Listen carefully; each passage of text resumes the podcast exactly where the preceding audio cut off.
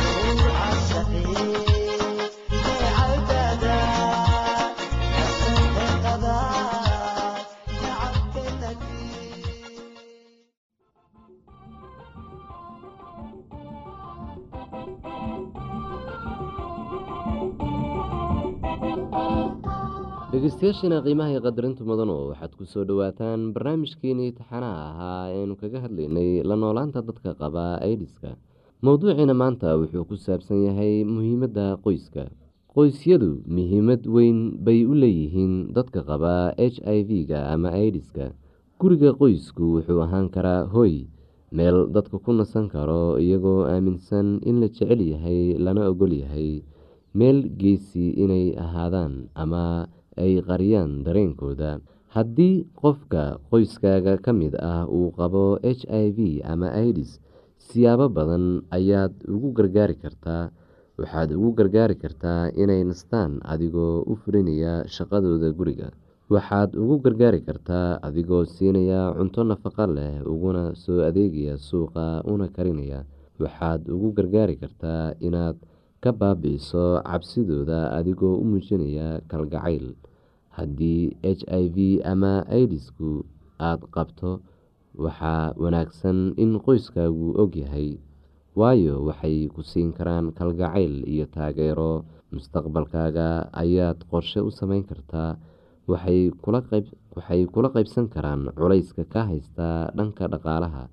Aad bay kuugu fududaan doontaa haddaadan qarin marxaladaada haddii qof ka mid ah qoyskaaga uu qabo idis waxaad kartaa inaad raashin iyo biyo u soo qaadid inaad dharka iyo go-yada ka dhaqdo iyo inaad karkaarisid. Xasuuso haddaad qabtid h i v ama idis waxaad adeegsan kartaa aqoontaada oo dadka kale ayaad ugu gargaari kartaa. Waxaa qoyskaaga bari kartaa siduu u faafo idiska waxaad ugu gargaari kartaa siday ugu digtoonaan lahaayeen h i v-ga. Tani waa gacan ka geysashada ugu kalgacayl weyn oo aada sameyn karto. Marmarka qaarkood markuu nin uu ogaado in afadiisu ay qabto h i v ama idis wuxuu ka fogeeyaa guriga ay ku wada nool yihiin. Marmarka qaarkood naagta ayaa ninkeeda hadduu qabo h i v ama idis ka fogeysaa amase ka tagta kala tegiddu waxay sababi kartaa mushkilado kala duwan. Shaki kuma jiro in caruurtoodu ay dhibaatoobayaan. Caruurta waxay waalidkood ugu baahan yihiin kalgacayl iyo hogaamin kala tegidoodu waxay sababi kartaa inuu h i v faafo tusaale ahaan ninka naagta qaba wuxuu qabi karaa h i v laakiinse wuxuu raboon karaa inuu guursado naag kale naagta cusub ee uu guursado waxa ay qaadi kartaa waxa ay ka qaadi kartaa ninkeeda h i v-ga. Waxaa wanaagsan inaysan kala tegin ninka iyo naagtis qaba h i v awgii ee ay mustaqbalkooda ku dadaalaan siday nolol wanaagsan u sameyn lahaayeen. Mararka qaarkood qoysku wuxuu ku murmaa sababta u keentay h i v-ga.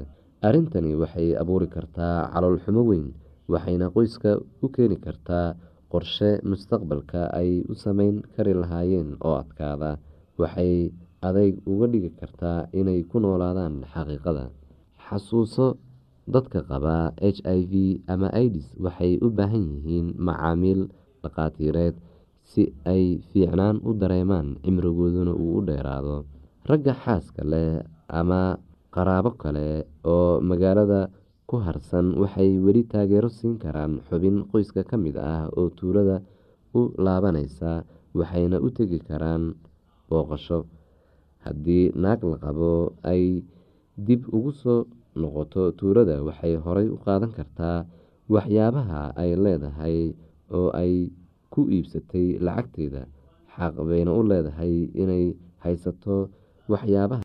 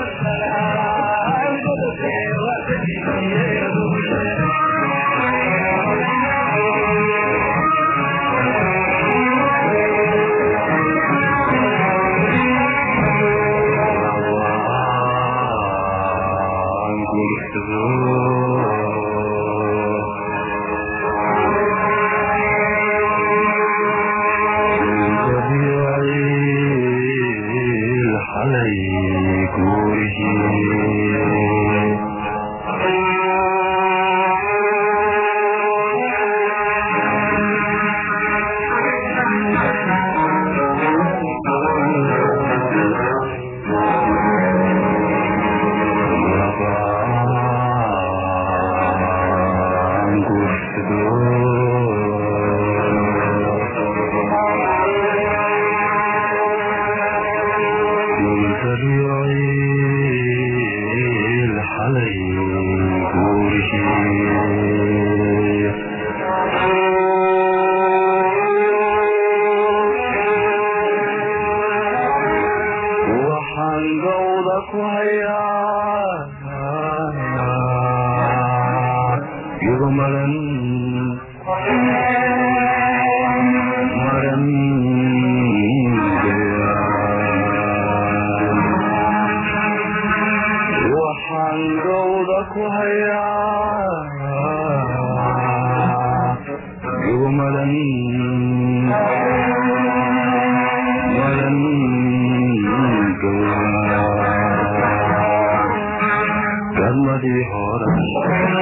laguushaya dhaxdeediidan la golongolo dadmadii hooran la guushaya dhaxdeediidan la golongolo gacaltooyadiiniga dhaabsate gacaltooyadiiniga dhaabsate gacaltooyadiiniga dhaabsate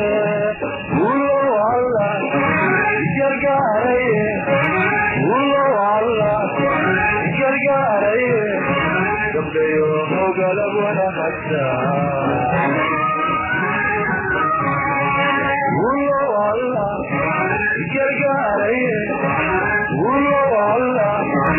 gargaaraye dabdayo ogala wada xagtaan hoy gabte waa gajiniye ay gabte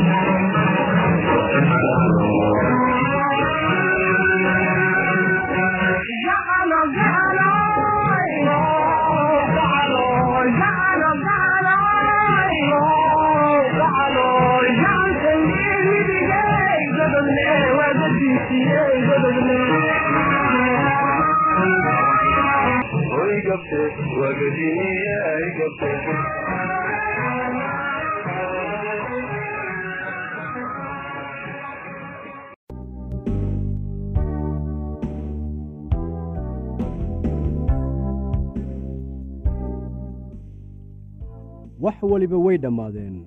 Qofkii aad wada joogteen maanta waxa uu doonayaa inuu qof kale la joogo miinadii kol hore ayaa la riday oo ay qaraxday.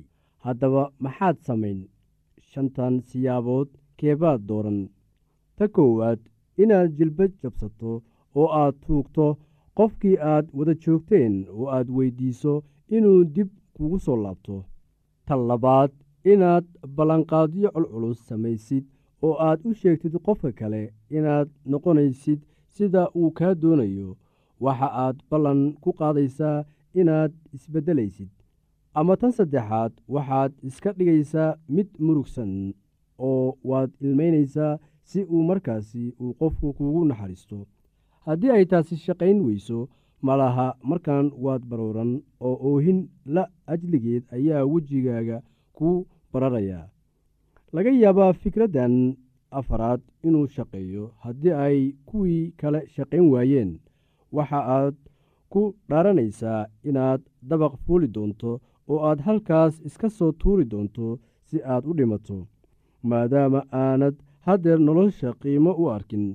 Kuuma muuqato wax faa'iido ah oo aad u sii noolaatid. Bal eeg fikraddan shanaad uga mahadnaq qofkii aad wada joogteen wakhtigii aad wada qaybsateen ka dibna kala dhaqaaqa oo mid waliba guri gaar ah ha ku noolaado. Aalaa qofka la furay marka waxa uu dareemayaa xanuun oo caro la ajligeed ayaa waxa uu u horarayaa qofkii kale. Waxa uu sidaa u samaynayaa inuu ishilmaansiiyo xanuunka furitaanka. Adiga laftaada waxaa dhici karta inaad andacootid oo aad qofkii caysid oo aad tustid sida uu xayawaan ama nacas u ahaa markii ugu horraysay ee aad wada kulmayseen iyo siday u wanaagsanaan lahayd haddii aad iska furi lahayd waa hore. Waxaa jira wax qalbiga qofka ku jira laakiin marnaba uusan afka ka odhanaynin laakiin waxa uu ku haysanayaa maskaxda. Waxa uu is odhan karaa isaga weeye midka aan i doonaynin laakiin aniga weli waan doonayaa. Marka warku ku saabsan waxa aad adigu tahay faafo cid ku rabaysa ma jirto maadaama aad aniga idiidday waxa aan isku taxallujinayaa inaan arko adiguna inaanay cid ku rabin. Mararka qaar ka aargoosashada noocan ah ayaa waxa ay u dhacdaa si cad oo weerar ah. Markii uu cumar furay sacdiya waxay ku tidhi isaga iyada oo qaylinaysa inaad sidan samayn weligay waan ogaa. Markii hore ayaan qalad sameeyey maba ahayn inaan ku guursado inaad qofka waxyeelaysaad jeceshahay sow ma ahan. Marar badan ayaad ii waxyeelaysay oo aan xitaa tiradoodu xusuusan laakiin marka aad ii dhammaysay wax walbaan ku siiyey oo wax walbaan kuu sameeyey bal haddana fiiri sidaad iila dhaqmaysid. Allah haddii aan sidaan ogaan lahaa markii horeba weligaa iima aad roonayn. Mararka qaar marka dareenka xiriirku kor ahaa qofka doonaya furniinka waxa uu ka helayaa qofkii kale jawaab ku salaysan goodin wax isdabamarin iyo xitaa dagaal. Hanjabaad ku saabsan inaad qofka sirtiisa sheegaysid ama aad daraag isticmaalid ku kici doontid ama aad isdili doontid ama waxaad odhan jumladooyin ad adag adiga oo doonaya inaad qofkaasi ku dheganaatid. Mararka qaar qofka la diiday wakhti yarba ha ahaatee waxa uu ku cararayaa inuu xiriir cusub la yeesho qof cusub si uu u soo gudo jacaylkii ka lumay. Iska ilaali inaad qof jeclaatid isla markii lagu furo. Xusuuso haddeer wax waliba oo aad samaysid adiga ayay dushaada tahay waxaana laga yaabaa inaad ku degdegtid xiriirkan. Maxaa wacay? Waxaad doonaysaa inaad buuxisid meeshii bannaanayd. Jacaylka noocaas ah kadib furniinka allah waa mid been ah oo muddo yar gudaheeda ku soo gebagabooba haddii aad ka naxaysid oo aad weli xurmo u haysid qofka bilaabay furniinka waxaa wanaagsan inaad qofkaasi wakhti siiso furniinka dabadii si uu uga fikiro oo bal u eego inuu wax qalad ah sameeyey intii aad xiriir cusub bilaabi lahayd. Wakhti ku filan sii oo ka bixi shakiga ku jira maskaxdiisa ama maskaxdeeda markaan isku day inaad wax wanaajisid waxa aad qofka kale u sheegtaa in isbarashadii aad isbarateen runtii ay aad ugu wanaagsanayd oo aanad fahamsanayn sababta ay u dhammaatay laakiin haddii ay sidaa dhacday aad u rajaynaysid farxad kaamil ah. U xaqiiji qofka inaad weligaa saaxiib la ahaanaysid. Markii wax waliba la yidhaahdo oo la sameeyo aqbal xaaladda oo u isticmaal sida kugu wanaagsan intii aad isku baabi'in lahayd. Dhegeystayaal ku soo dhowaada idaacaddeenna oo aad xiliyadan oo kale hawada inaga dhegeysan jirteen anigoo ah cabdi maxamed waxaan idin leeyahay dhegeysi suuban waxaad barnaamijyadeen maanta ku maqli doontaan heesa iyo waxbarasho caafimaad iyo nolosha qoyska haddii aad qabto wax su'aalaha fadlan inala soo xiriir. Ciwaankeenna waa radio somaly at yahu dt com. Mar labaad ciwaankeenna waa radio somaly at yahu dt com